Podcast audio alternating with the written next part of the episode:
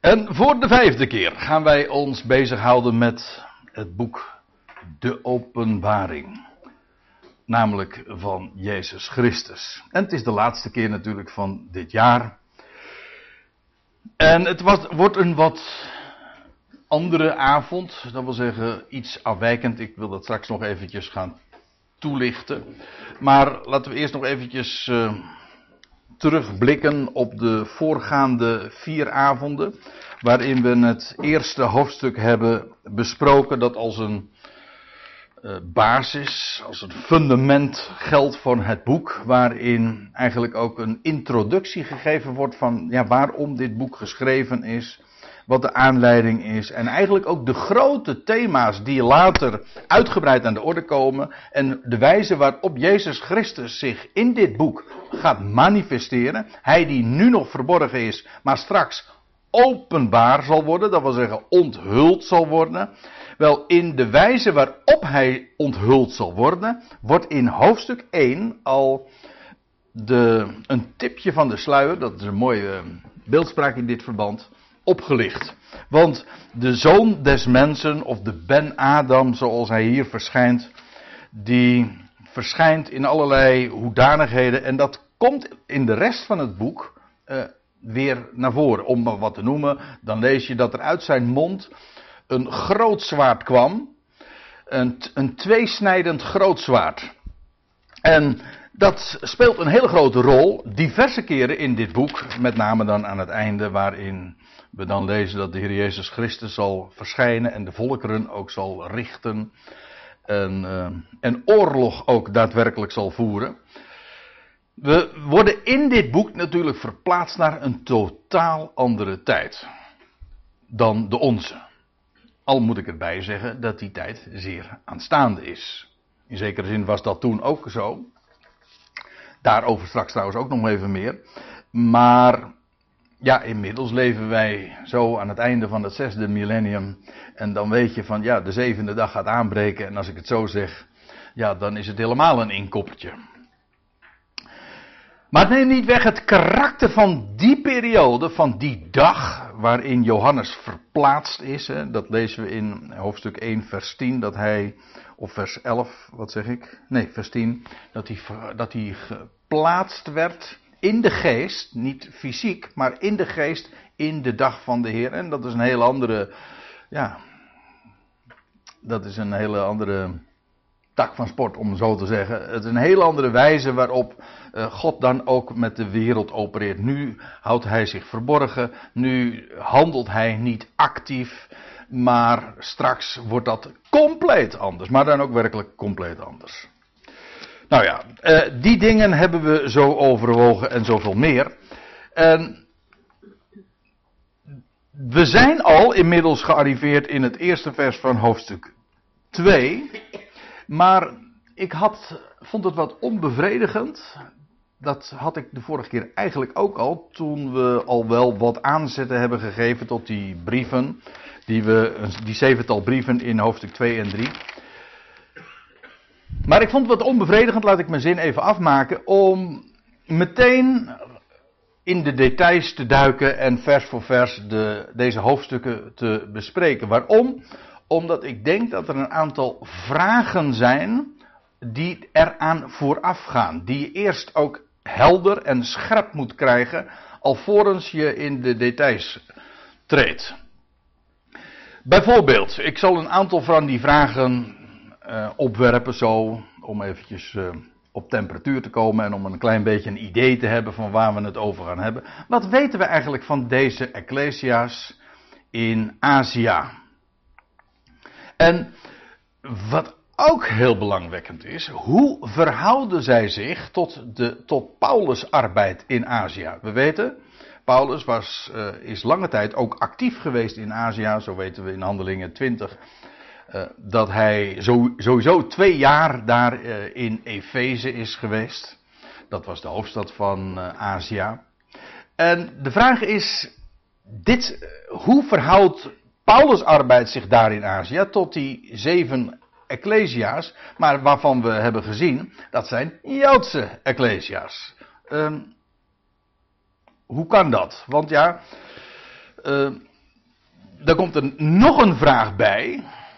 Uh, dat is deze. Hebben Joodse gemeenten wel bestaansrecht? Uh, dat klinkt wat vreemd. Maar uh, hoe is dat te, te combineren met de waarheid zoals wij hem nu kennen? Zoals Paulus die ook in zijn met name gevangenisbrieven naar voren brengt. Dat wij één lichaam zijn waarin het onderscheid tussen besnijdenis en voorhuid totaal niet ter zake doet. Waar die muur tussen de Jood en de niet-Jood, tussen de Jood en de heiden, of tussen besnijdenis en voorhuid, dat is eigenlijk meer de technische bijbelse benadering.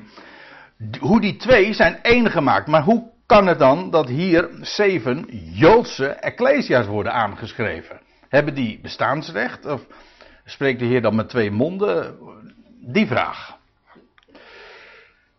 En dan nog zo'n vraag, en dat heeft er ook denk ik direct mee te maken. Hoe kan Christus wederkomst als zo aanstaande worden neergezet? En met dat zo bedoel ik alsof het uh, elk ogenblik in die dagen zou kunnen plaatsvinden. En niet alleen zou kunnen plaatsvinden, maar het wordt neergezet als een gebeurtenis die op handen is. En deze ecclesia's die worden ook voorbereid want op, de, op de gebeurtenissen die in dit boek beschreven worden. Zij gaan dat meemaken en zij worden uh, toebereid, zij worden geschikt gemaakt, zij worden geïnstrueerd en toegerust voor die tijd. Maar hoe is het nou eigenlijk? Uh, richt Johannes zich in deze brieven tot toekomstige ecclesia's? Of waren die ecclesia's er al in het verleden? Of is het en-en? Ja, ik stel zomaar wat vragen. Maar hebt u uh, antwoord op al deze dingen? En vindt u, u zult het met me eens zijn, uh, dat het de moeite waard is om daar eens een keertje, voordat je nou vers voor vers naar hoofdstuk 2 en 3 gaat, zoals we dat ongetwijfeld ook gaan doen, en ik denk dat we dat dan ook wat, met wat meer vaart gaan doen, dat was ik wel van plan. Maar dan wil ik in ieder geval duidelijk hebben hoe dat zit. De, kortom, het gaat over de vraag: wat is de setting van Openbaring 2 en 3? Hoe moeten we dat plaatsen? En om het uh, nog even wat uh, anders te formuleren. Uh, je zet eerst het frame neer en daarna de details. Ik ben geen legpuzzelliefhebber en ik heb er al even min ervaring mee. Maar ik weet wel dat als je een legpuzzel maakt, dat, dat je eerst de randen hebt. Hè? Eerst het frame. En daarna ga je vervolgens de details in het frame uh, leggen. Nou, dat is eigenlijk ook wat de, het idee is van deze avond. Vanavond zorgen we voor het, het framework. Wat, hoe zit dat nou eigenlijk met die zeven brieven, met die twee hoofdstukken, met die ecclesia's? En nou ja, die vragen waar we het zojuist over hadden. Of om het nog anders te formuleren, want ik hou van metaforen, dan maak je soms dingen wat mee, meer mee duidelijk. Je hebt eerst het plaatje, de lijnen, en dan vervolgens ga je het inkleuren. Nou, wat we nu doen is gewoon het plaatje helder krijgen duidelijk maken van hoe zit dat nou met die ecclesia's. En als je, het, mooie daarvan is trouwens, dat als je dat eenmaal gedaan hebt, dan wordt het inkleuren zoveel duidelijker. En makkelijker ook, zo bedoel ik het. Eerst moet je het grote geheel hebben en dan ga je, zo in, noemen ze dat in het Engels niet chunken. Hè? Je gaat, maakt eerst grote brokken en dan ga je vervolgens naar de, ja, de kleinere brokjes, de kleinere delen.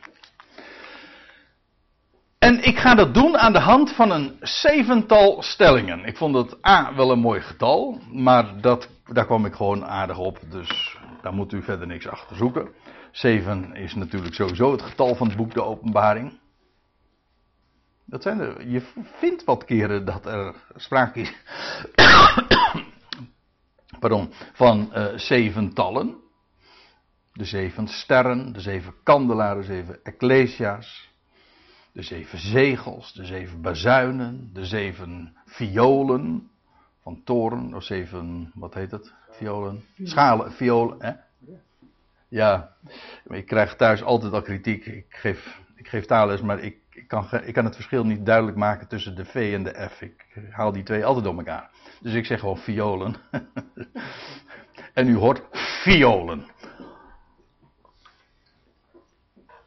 Afijn, uh, wat ik ga doen is een aantal stellingen neerzetten. Dat is eigenlijk een wat bouwkundige term. En zo, uh, je, je, je maakt door diverse dingen dan neer te zetten, maak je het plaatje compleet. En sommige stellingen zijn helemaal niet zo, zo uh, wereldschokkend. En sommige liggen zelfs misschien zelfs heel erg voor de hand. En aan de hand van wat we tot dusver gezien hebben, uh, kan ik me dat sowieso al voorstellen. Maar ik wil de dingen even op een rijtje zetten, een aantal dingen neerzetten, waardoor je ook zicht krijgt, let op, ook op de hele uh, chronologie. Dat wil zeggen op waar deze brieven geplaatst moeten worden, wanneer het boek de openbaring ook geschreven moet zijn. Afijn, laten we die stellingen eens doornemen. De eerste is deze. Niet alle ecclesia's die, in, eh, die er in Azië waren, waarvan we weten in de schrift, die worden hier in openbaring 2 en 3 aangeschreven. Wist u dat? Nee? Nou weet u nu. Want, uh, nou ja, we weten sowieso van ja, deze zeven ecclesia's, uiteraard. Hè, de zeven gemeenten van uh, Klein-Azië. Of eigenlijk gewoon Azië. Maar we weten uit het boek Handelingen en de brieven van Paulus dat er in ieder geval nog een aantal andere ecclesia's ook waren. Bijvoorbeeld, uh, nou ik zeg bijvoorbeeld, maar ik zou er eerlijk gezegd niet meer weten, hoewel er misschien wel meer waren. Maar zoals te Troas in Colosse en Hierapolis. Dan wil ik eventjes ook de bonnetjes bijleveren, want een stelling neerzetten is één ding, maar ik wil gewoon ook, uh, ook even de bonnetjes erbij geven. Ik had gewoon ook de versnummers erbij kunnen doen, maar ik wil het eventjes ook laten zien vanuit de schrift. Handelingen 20, daar lees je dit. Hier ziet u dat we nog steeds bezig zijn met de eerste stelling dus. Uh, in Handelingen 20, daar lees je dat Lucas schrijft, maar wij, waaruit blijkt dat de schrijver, de auteur, en dat is Lucas, erbij was. Wij voerden af van Filippi. Uh, en dat was na de dagen van de ongezuurde broden. En kwamen binnen vijf dagen bij hen te Troas aan waar wij zeven dagen doorbrachten. En toen wij op één dag van de sabbatten, meestal gelezen als vertaald met één, de eerste dag van de week, maar dat doet nu even niet de zaak. Er staat letterlijk gewoon op één dag van de sabbatten. Toen wij op één dag van de sabbatten samengekomen waren om brood te breken, hield Paulus een toespraak tot hen. En dat deed hij veel langer dan dat ik het vanavond ga doen. Dat, kan, dat, dat uh, beloof ik u bij deze, want dat was een hele lange toespraak. Uren achtereen. Bovendien, er gebeurde toen iets wat hier ook niet eens kan plaatsvinden. Namelijk, je kan hier niet drie verdiepingen naar beneden vallen. Zoals dat uh, gebeurde met die Uitigus, die jonge man. Je kan wel van de stoel vallen, maar, uh, maar niet zo diep, nee. Trouwens, wat, er was er ook niks aan de hand, want toen was daar Paulus en... Sta op, jongeman. Afijn, uh, waar het me nu even uiteraard om gaat, is het feit dat zij in Troas kwamen. Het wij kennen Troas, dat is leuk hè. Troas uh, kennen wij eigenlijk in de ongewijde geschiedenis als Troje. Dat is dezelfde, dat is dezelfde naam. Weet je wel waar dat paard vandaan kwam? En dat was uh, Troas. En dan staat er dus dat wij daar doorbrachten. En dat daar ook een samenkomst was. En dat ze daar brood hebben gebroken. Kortom, daar was een ecclesia. Want dat is wat een ecclesia is. Want een ecclesia is natuurlijk niet een instituut of zo, een organisatie, iets uh, geïnstitutionaliseerd. Zo heet dat geloof ik toch. Hè? Dat is kerkelijk gedacht. Dan heb je eerst een, dan moet er, eh, het is pas sprake van een kerk wanneer dat, uh, wanneer er ook, wanneer het echt een, een organisatie is, wanneer het beantwoordt aan bepaalde dingen en dat er een, een bestuur is en, nou ja, whatever. Een ecclesia is niks anders dan een, een verzameling mensen, minimaal twee, want anders is het geen verzameling. Toch? En dat daar twee mensen zijn of drie en ze zijn samen rondom het woord. Nou, dat is hier. Dus het was een ecclesia. Zo simpel is dat. In Troas. Maar, eh, dan heb ik u nog eventjes mee naar Colosse 4. Daar lees je over dat Paulus de, dan, sluit hij de brief af en dan zegt hij, want ik kan van hem, en dan heeft hij het over een Epaphras, waardoor trouwens die Ecclesia in Colosse ook ontstaan was. Paulus was namelijk nooit persoonlijk in Colosse geweest. Want ik kan van hem getuigen dat hij zich veel moeite, zich vele moeite heeft uh, gegeven uh, voor jullie, namelijk in Colosse, en voor hen die te Laodicea en die te Hierapolis zijn. Nou, Laodicea, dat, daar hebben we het zo meteen nog even over. Maar hier eventjes, er was dus sprake van een groep daar in, in een ecclesia. Ook in Hierapolis, waar we trouwens verder ook niets van weten. Maar we, we weten wel dat Epaphras, die daar zo actief in Colosse was, dat hij dat ook was in, uh, in, in Laodicea en ook in te Hierapolis. Maar Hierapolis en Troas en Colosse, die worden niet genoemd in openbaring 2 en 3. Dus zijn niet alle ecclesia's daar in Azië. Nou, laat ik eventjes uh, een, een kaartje tevoorschijn toveren. Want ja, ik kan het natuurlijk wel over Azië en al die plaatsen hebben, maar weet niet hoe, uh, wat uh, uw cijfer was voor topografie. Maar ik kan me voorstellen dat u ze dat niet zo allemaal zo voor de geest kan halen. Dit is trouwens een plaatje van de, ja, eigenlijk een, uh, een, een, stuk van een afbeelding uit, van Paulus' reizen. En dit was zijn tweede reis. En dan lees je dat hij vanuit uh, ja, uh, Antiochië komt en dan gaat hij, maar hij zou naar Azië gaan. Ik kom daar straks trouwens nog even op terug. Maar hij werd verhinderd en toen ging hij naar Troas. Ja. En hij heeft gewoon Azië omzeild toen, bij die gelegenheid. En waar het even om gaat is in openbaring 2 en 3 dan wordt een zevental ecclesia's aangeschreven. En te beginnen bij Efeze. En dan krijg je Smyrna. Bij een eerdere gelegenheid heb ik toen dat kaartje ook al uh, getoond. Geloof, nou, niet dit dat kaartje. Maar toen liet ik u ook zien dat het ook een hele logische. Uh, geografisch heel logische volgorde is. Hoewel ik denk dat die volgorde niet alleen geografisch is. Maar ook, er zit ook een geestelijke ordening in. Maar goed. Efeze, Smyrna, dan krijg je Pergamum, dan krijg je Thyatira. En het was trouwens gewoon een rondweg.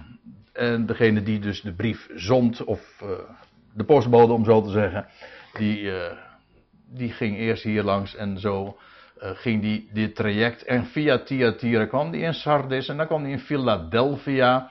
En dan in, haha, in Laodicea. Dat was trouwens de, de zevende, de laatste. Maar Um, Troas, dat is ook Azië.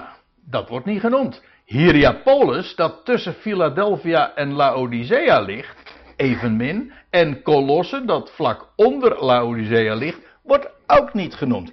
Dus Johannes schrijft aan een specifieke groep van ecclesia's, niet willekeurig alle ecclesia's die in Azië waren. En Inmiddels weten wij al waarom. Ik ga dat nu alleen wat, wat, ja, wat systematischer uh, deze avond uiteenzetten. Maar inmiddels weten we al dat het gaat om Joodse gemeenten. Om besnijdenisgemeenten. Terwijl dat uh, in Troas en Hierapolis en Colosse niet het geval waren. Dat waren heidengemeenten gebaseerd op het evangelie zoals Paulus dat predikte. Nou, dus eerst eventjes. Uh, het, niet alle ecclesia's worden in openbaring 2 en 3 dus aangeschreven. Een specifieke groep. De tweede stelling. Behalve Efeze en La Laodicea zijn de overige plaatsen in Azië, dat wil zeggen zoals in openbaring 2 en 3 genoemd worden, vanuit Paulusbrieven onbekend. Dus aan de ene kant er zijn uh, ecclesia's die in, die in het boek Openbaring onbekend zijn en niet genoemd worden. Maar omgekeerd ook dat de ecclesia's die in Openbaring 2 en 3 genoemd worden en worden aangeschreven, uh, het merendeel, een vijftal daarvan, zijn in Paulus' brieven helemaal niet eens genoemd. Dat wil zeggen, zelfs de plaatsen worden niet eens genoemd.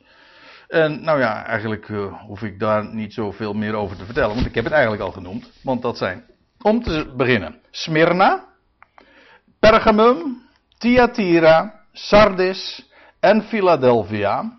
Die vijf ecclesia's, die, die, nee, die vijf plaatsen, die kent. Die worden nooit genoemd in Paulus' brieven. Die plaatsen kende Paulus niet, ik bedoel, die worden nooit genoemd. En hij schrijft die ecclesia's ook niet aan, hij vermeldt ze ook niet, ook niet bij groeten en dergelijke. Dus die. Dat is, uh, dat is van andere orde. Deze brieven zijn daarmee dus ook, deze bedoel, brieven, bedoel, ik bedoel dus die we in het boek Openbaring aantreffen, 1, 2 en 3. Dat zijn typisch dus Johannesbrieven. Johannes, die een apostel van de besnijdenis was en die zich ook richt tot de besnijdenis. Er was een officiële afspraak over gemaakt. En het hele karakter van deze Ecclesia's is ook inderdaad dat van de besnijdenis. En Paulus, uh, die, uh, die kent deze, die noemt deze plaatsen in zijn geheel niet. Dan gaan we naar de derde stelling. Ja. Zo gaat het wel snel. Maar die latere stellingen die worden wat, uh, wat complexer, of in ieder geval, daar heb je wat meer voor nodig. Dit was misschien niet spectaculair, dit zijn weer van die weetjes, maar het is wel even goed om het scherp te krijgen. Stelling 3. Het besnijdenis-evangelie was vanaf het prille begin in Azië al bekend. Wist u dat? En toch is het heel gemakkelijk te bewijzen. En als ik, als ik zeg het besnijdenis-evangelie, dan bedoel ik gewoon dus het evangelie zoals de twaalf dat hebben gepredikt. Zij waren Israëlieten, ze waren Joden. En ze hebben ook de, deze, eh, het evangelie gepredikt van eh, de koning die komt en de bekering van Israël. Dat bedoel ik ook met het besnijdenis-evangelie, waarin het allemaal gaat om het herstel van Israël. Dat is het besnijdenis-evangelie, waarin Israël dus eigenlijk uh, de voorrang heeft uh, boven alles. Israël moet tot bekering komen. Als Israël tot bekering komt, dan zal de Messias terugkeren. Kom, dat ook daar kom ik straks nog even op terug. Dan zal de Messias terugkeren en zo zal hij zijn koninkrijk vestigen over deze aarde. Dat is het besnijdenis-evangelie. Maar dat evangelie, dat was vanaf het prille begin al bekend in Azië. En als ik zeg prille begin, daarmee bedoel ik uh, al vanaf het moment dat het evangelie gepredikt werd. Voor het eerst. Ik bedoel, voor uh, het evangelie van de opgewekte Messias. Israëls Messias. Oftewel vanaf Handelingen 2 al. Nou, Handelingen 2, uh, eh, als ik dat noem, dan uh, gaan we daar meteen even naartoe. Want wat lezen we dan? Daar in de vroege ochtend dat daar een geweldig talenwonder plaatsvond. Want wat was er namelijk aan de hand? Dan lees je dat de schare helemaal uh, versteld staat en ondersteboven is van het feit dat zij dan zeggen: Hoe horen wij? Dat is de vraag, hè, de verwondering. Hoe horen wij hen dan? Een ieder in onze eigen taal waarin wij geboren zijn. U moet zich realiseren, dat was het Pinksterfeest, of eigenlijk het Joodse wekenfeest, het eh, Shavuot. En dat was een Joods feest, een oogstfeest. En dan kwamen pelgrims vanuit heel de wereld, kwamen dan in de tempel van Jeruzalem. Dus het was bij die gelegenheid, gonste het van, van uh, het volk daar in de stad. En ja, bij die gelegenheid, ja, dan vindt dat wonder daar plaats in dat huis waar die 120 bij elkaar waren. En dan is het Petrus en de anderen die dan het woord gaan voeren. En dan staat er, nou ja, dat de menigte dan zegt: Hoe horen wij hen dan en ieder in onze eigen taal waarin wij geboren zijn? Let op, Parten, Meden, Elamieten, inwoners van Mesopotamië, Judea, Cappadocië, Pontus en, en daar gaat het nu even om, Azië. In werkelijkheid gaat het rijtje nog verder. Want eh, er worden twaalf. Eh, leuk hè? Er worden twaalf uh, streken genoemd. Twaalf gebieden waaruit zij afkomstig waren. Wat trouwens meteen weer, lijkt mij logisch, ook meteen weer bevestigt dat het gaat om, een, dat, om Israël. De twaalf. Het zijn de twaalf die het woord voeren. Het zijn de, de twaalf die ook bereikt worden. Inderdaad, vanuit heel de wereld bij deze gelegenheid. Het was in Jeruzalem, maar ze kwamen van alle streken. Maar ook uit Azië. Dus de mensen die daar in Jeruzalem waren, die woonden daar niet. Nee, die waren daar op pelgrimsreis. En die gingen gewoon dus na het feest weer terug naar Azië. En ja, met deze boodschap. Dus het evangelie dat zij daar in Jeruzalem, handelingen 2, gewoon vanaf de aanvang gehoord hebben, hebben ze weer meegenomen naar Azië. Trouwens, dan begrijp je ook hoe het evangelie in, uh, in die dagen, in die generatie, in no time ook is verspreid. Dat is met een gigantische vaart gegaan. Want wij zeggen van ja, dat kan alleen maar met internet allemaal heel snel gaan. Nou, dat had je gedroomd, dat is helemaal niet waar. Nou, ik geef wel toe dat internet erg snel werkt. Want dat hadden ze nog niet, dat weet ik ook wel. Maar neemt niet weg dat in die dagen het, de hele bewoonde wereld al is beëvangeliseerd. Gewoon in één generatie. En dat kan heel gemakkelijk. Want, uh, ja. Nou ja, uh, ga maar na. Dat is een negatief voorbeeld. Maar hoe snel verspreidt een ziekte zich? Een, uh, een ernstige griep bijvoorbeeld. Nou, dat gaat erg snel. Ja, veel te snel natuurlijk. Maar ik bedoel maar te zeggen van mensen komen met elkaar in aanraking en zo als een virus verspreidt het zich. Maar uh, ja, het evangelie is geen virus, maar het gaat eventjes om de. Het is, ja, je kunt er een ander wel mee besmetten natuurlijk. Dat is de bedoeling ook, want daar is het een bericht voor. Je, je hoort het en op het moment dat het. Uh, hoe, hoe snel is de incubatietijd van het evangelie? Of in ieder geval, het evangelie maakt plaats eh, in het hart. En zo. En op het moment dat je het kent, ja, en je hebt een mond, dan kun je het spreken ook. En dan kun je de ander ermee benaderen. Dus je kunt je wel voorstellen, dat is als een lopend vuurtje. Mooie beeldspraak als we het hebben over de Pinksterdag. Gegaan. Toch? In Azië. Nog gaan we een paar hoofdstukken verder. En dan lees je dan zijn we in, in Handelingen 6. En dan zijn we nog steeds even in Jeruzalem. En dan komen we ook in aanraking met een Filippus, maar ook een Stefanus, die in het volgende hoofdstuk een grote rol zal spelen en, en gestenigd wordt door de leidslieden van Israël. En dan staat er dit. Eigenlijk gaat het maar om één detail. En en ik heb het al meteen vet gedrukt. Maar wat staat er? Er stonden toen sommigen op van hen die vanuit de synagoge van de, zogeheten, van de zogeheten libertijnen zijn. Het zijn geen niet de liberalen hoor. Hoewel het hetzelfde grondwoord is. Libertijnen. Uh, vrijheid. En van de Sireniërs en van de Alexandrijnen en van hen die uit Cilicië zijn. Leuk, want u weet. Cilicië trouwens, het is niet Sicilië, want dat is dat is Italië. Uh, maar Cilicië, dat moet je eens aan Paulus vragen, want die zegt van ja, daar kom ik vandaan. Uit de hoofdstad van Sicilië, nou zeg ik het zelf verkeerd, van, uit de hoofdstad van Cilicië, namelijk Tarsus. Daar kwam Paulus vandaan. Maar uh, daar in Jeruzalem, dat was natuurlijk een, een, ja, een, een stad waar, uh, een, waar honderdduizenden, ik, ik meen zelfs toen al, miljoenen woonden. Maar ja, ik meen van wel. Maar het was een gigantische stad. Ja, met een, een wereldbouwwerk als de tempel was.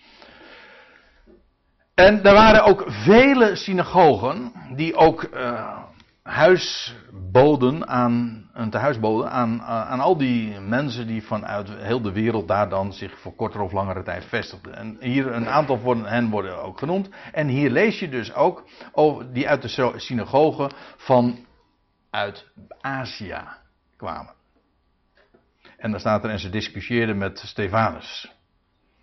Ze reden twisten met hem, staat de MBG-vertaling. Maar ze waren niet sterk genoeg om de wijsheid en de geest waarmee hij sprak te weerstaan. Hier, Azië.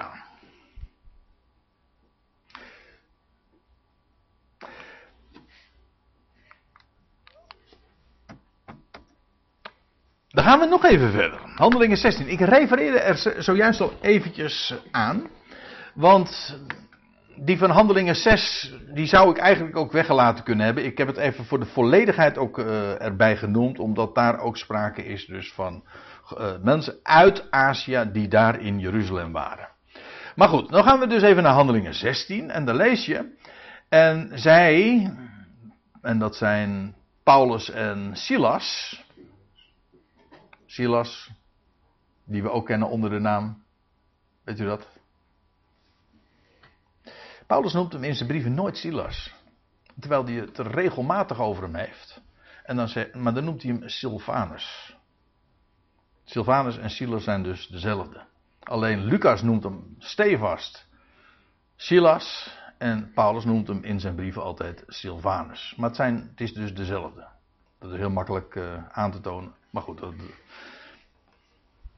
je leest van.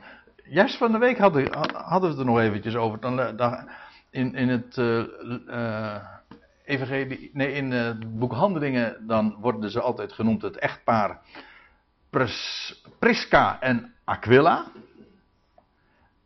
En in Paulus' brieven, als hij ze noemt, dan is het Priscilla. En, of, het, vice versa, dat zou, daar blijf ik even vanaf. Maar in ieder geval, de een, Lucas noemt hem dan, uh, haar dan altijd Prisca. En, en Paulus noemt altijd Priscilla. Of omgekeerd. Maar in ieder geval, ja, dat hebben we allemaal, dat fenomeen kennen we wel. Dat de een noemt iemand altijd zus. En de ander noemt iemand altijd zo. Hè? Ja, hier. mijn moeder werd ook altijd zus genoemd. Maar goed, dat is weer wat anders.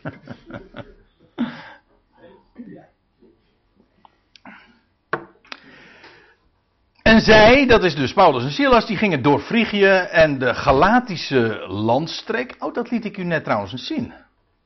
Ja, ze kwamen uit Frigië en de Galatische streek, dat was hier dus ergens. Die, dat herinnert zich dat plaatje nog. En dan staat er, en zij werden door de Heilige Geest verhinderd het woord in Azië te spreken. Daar was, daar was hij nog helemaal niet geweest, ook.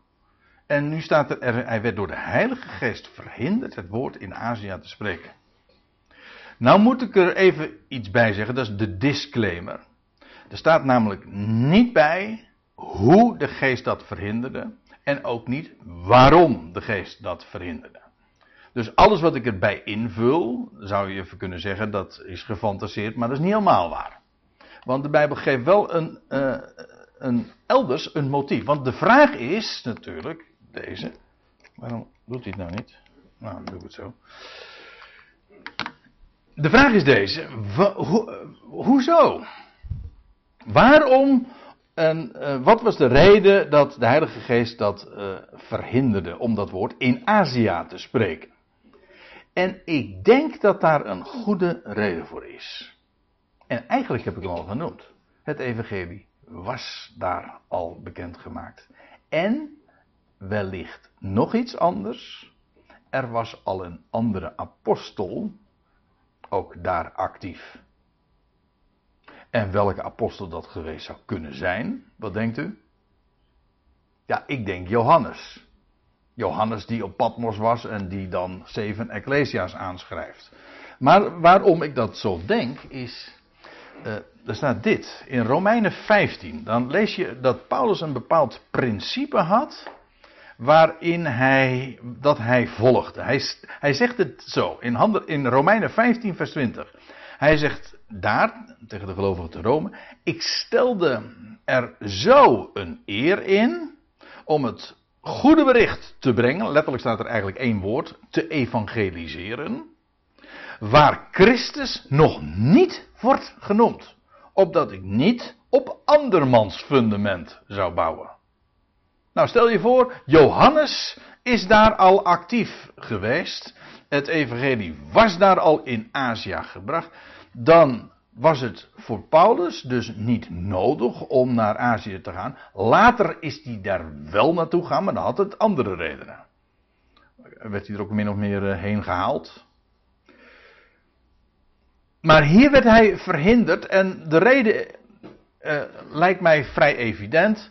Uh, Johannes is daar ook al uh, geweest en aangezien het Paulus principe was en hij stelde er een eer in om, om zo te opereren dat hij niet naar plaatsen ging waar al het evangelie gebracht was. Waar de naam van waar Christus nog niet was genoemd. En dat die op een andere wijze dan werkzaam waren en dat die het evangelie van de besnijdenis predikten. Oké, maar het was het evangelie. Want uh, laten we wel wezen, we wij maken, uh, wij, ik bedoel hier, in de bijbelstudies, lijkt me buitengewoon belangwekkend. En ik overdrijf nou echt niet door het zo te formuleren, uh, om de schriften te onderscheiden en om het verschil te zien tussen Paulus' geschriften en de besnijdenisgeschriften buitengewoon belangwekkend. Maar uh, het is. Uh, je, kunt, je zou het kunnen overdrijven door te zeggen van ja, maar dat zijn. Die twee hebben niks met elkaar te maken. Want ze, laat, ik wel, laat ik het zo zeggen. Ze hebben hetzelfde fundament. Hoe, hoezeer de verschillen er ook zijn. Uiteindelijk. De opgewekte Christus staat in beide evangeliën. Ik bedoel, in dat van Paulus. En dat van de twaalf uh, centraal en dat is ook de basis. Paulus zegt het, uh, misschien mag ik dat nog eventjes dan genoemd hebben. In 1 Korinthe 15, dan, dan, dan, dan vertelt hij over uh, hoe, de, ja, hoe het, de opstanding van Christus een historisch feit is. Gewoon omdat hij verschenen is aan velen en vele getuigen, honderden getuigen er waren. En hij voert ze dan ook op en dan zegt hij ja, ja, hij is verschenen aan Kefas en de twaalf en uiteindelijk als laatste ook aan mij. En dan zegt hij, eh, zo sluit hij dan dat gedeelte af en dan zegt hij, zo dan. Het zij hen, oh nee, laat ik het goed uh, citeren. 1 Korinthe 15, vers 11. Daarom dan, dat was zijn conclusie. Ik, Paulus, of zij, de twaalf, of welke apostel dan ook.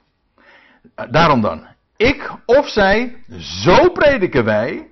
Dat wil zeggen zo, met de, de, het proclameren van de opgestane Christus, de Israëls Messias. Zo prediken wij, zo herauten wij. En zo kwamen jullie tot geloof. Eigenlijk zo werden jullie gelovig. Waarom?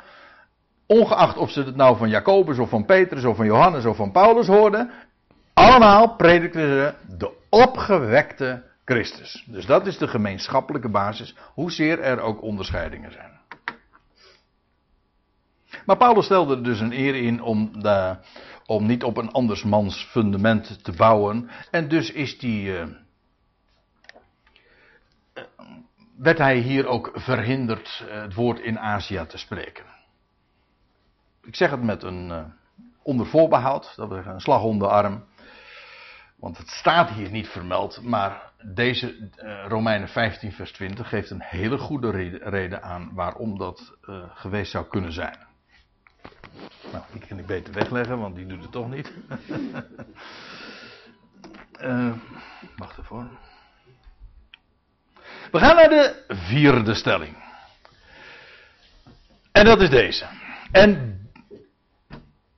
in zekere zin, ja, al deze stellingen, ze bouwen voort op dingen die we al tot dusver diverse keren gezien hebben. Ik zet ze nu alleen allemaal wat meer op een rijtje. En uh, bepaalde dingen zetten we nog even wat scherper. De Israëlitische identiteit speelt een grote rol in de zeven Ecclesia's in Azië.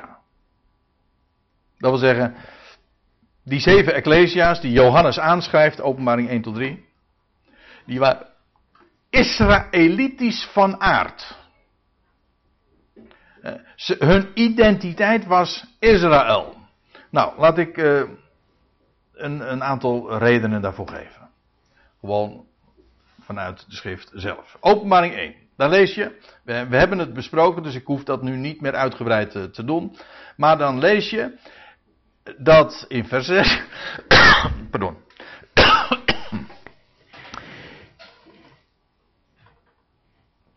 En hij, de eerstgeborene uit de doden, de overste van de koningen der aarde. En dan staat er, en hij maakt ons een koninkrijk van priesters. Nou, dan weet je meteen over, waar je het, over welk volk je het hebt.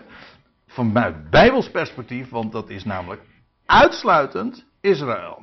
Israël is afgezonderd en uitverkoren om een koninkrijk van priesters te zijn, te midden van alle natieën.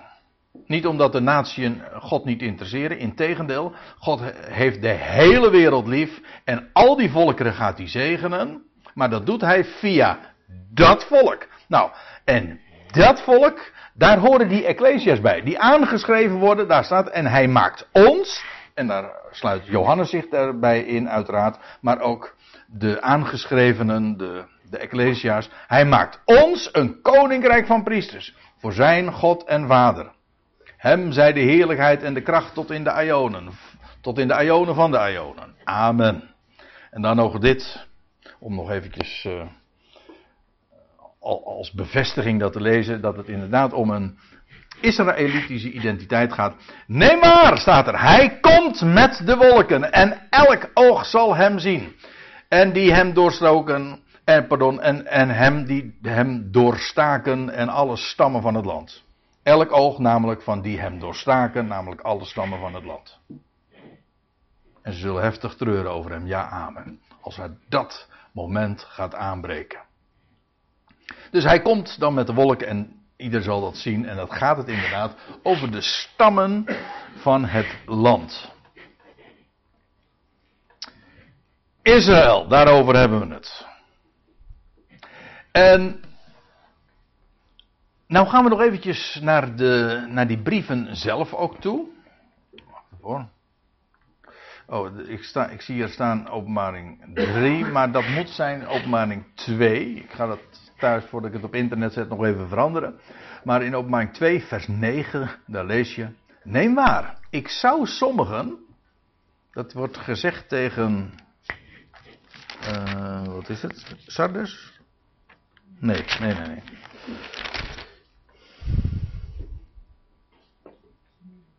Tegen Smyrna, ja.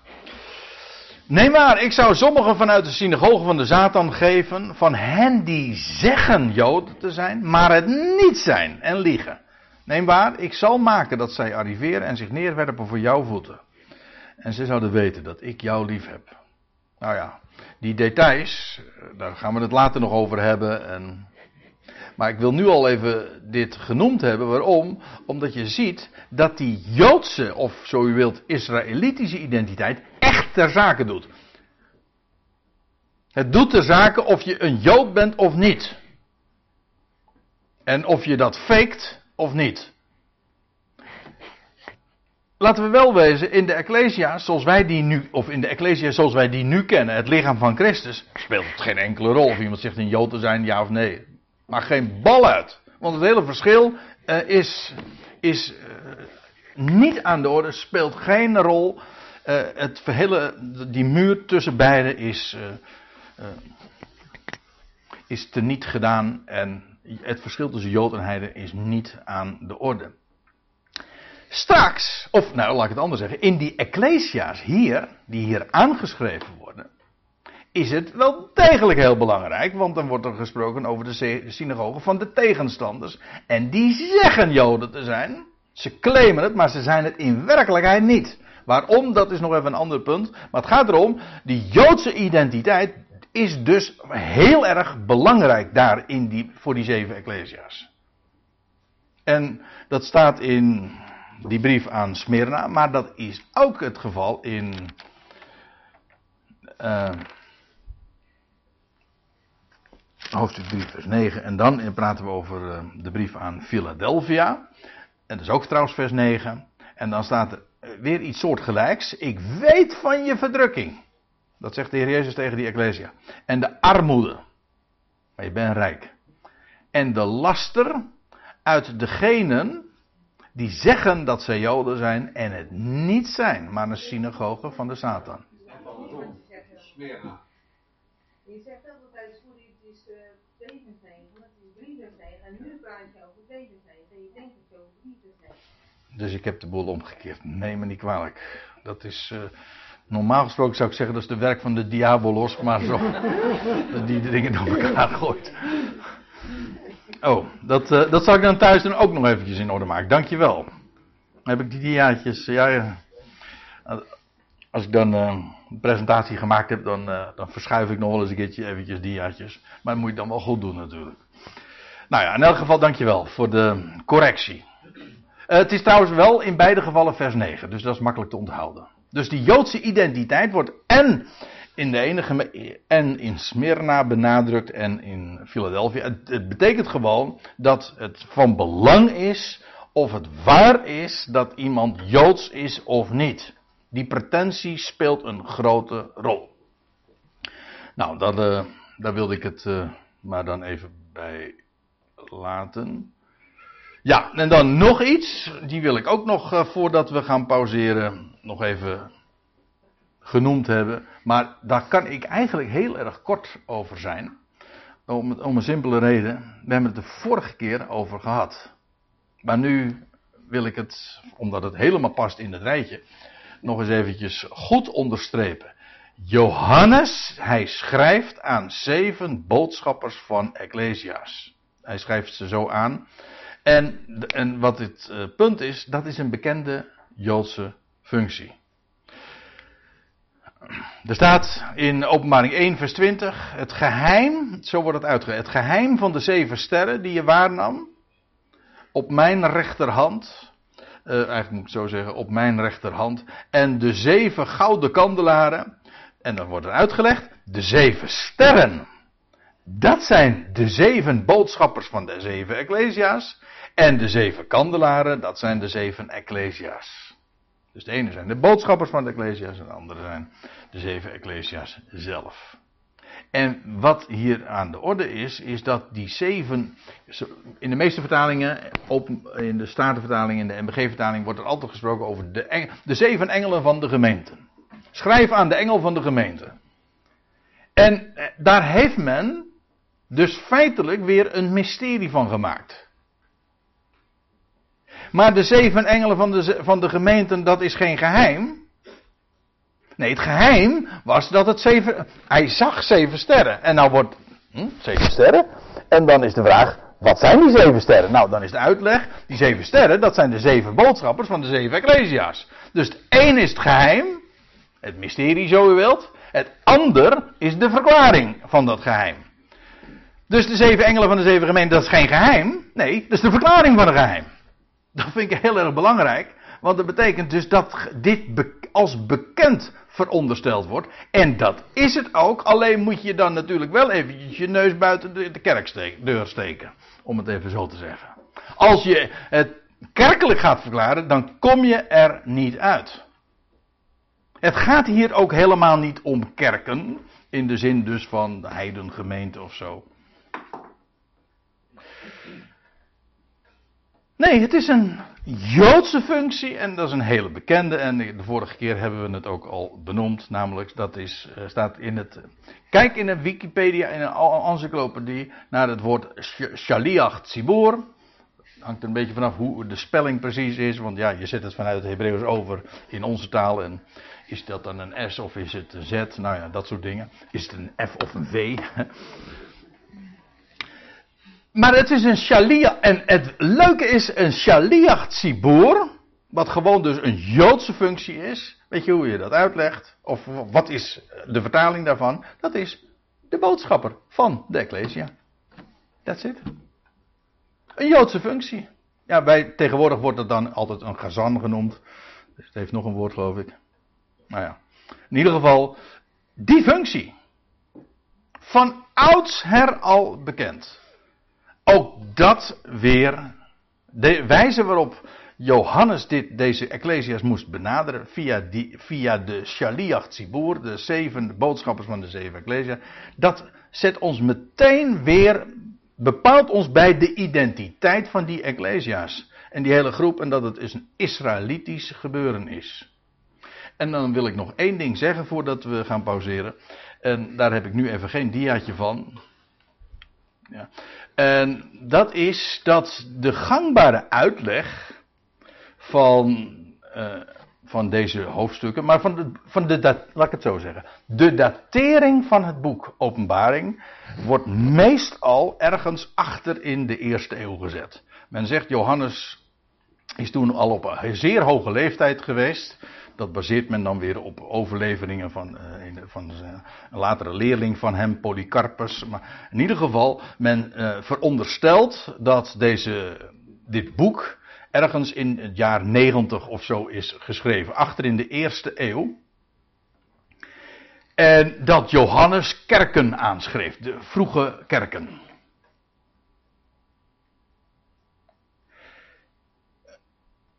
Wat een hele merkwaardige gedachte is. Want, ja, in de eerste plaats, uh, hoe verklaar je die, die, die pure is, Israëlitische identiteit dan? En bovendien, hoe was het ook alweer? Vlak voor Paulus heen gaan. Wat schrijft hij dan in Timotheus? In zijn, zijn, zijn geestelijk testament, de tweede Timotheusbrief. Dan, dan zegt hij tegen Timotheus, hij zegt dit weet je. Allen die in Azië zijn, die hebben mij verlaten. En, nou zit hij in de gevangenis. Allen in Azië hebben mij verlaten. En nou, ga even mee met het kerkelijk standpunt. Dan heeft Johannes dus eh, nog weer een aantal jaren later, na Paulus heen gaan, heeft Johannes uh, brieven geschreven daar in Azië. Of, of eigenlijk moet ik het anders zeggen. Jezus Christus gebiedt dan deze ecclesia's in Azië aan te schrijven. En Paulus' naam komt niet eens aan de orde. Heeft Jezus Christus zelf Paulus soms verlaten, zo zou je dan uh, gaan afvragen. En waarom worden zij dan niet erop aangerekend? Of waarom wordt er niet gezegd van, ga weer terug naar Paulus? Dat zou je dan toch verwachten, als dat inderdaad klopt. Maar het louter feit dat dat helemaal niet aan de orde is, geeft aan dat, deze, dat het boek Openbaring veel eerder is geschreven, namelijk in de handelingentijd al. En dat brengt ons bij stelling 6 en 7. Ik stel voor dat we eerst even gaan pauzeren.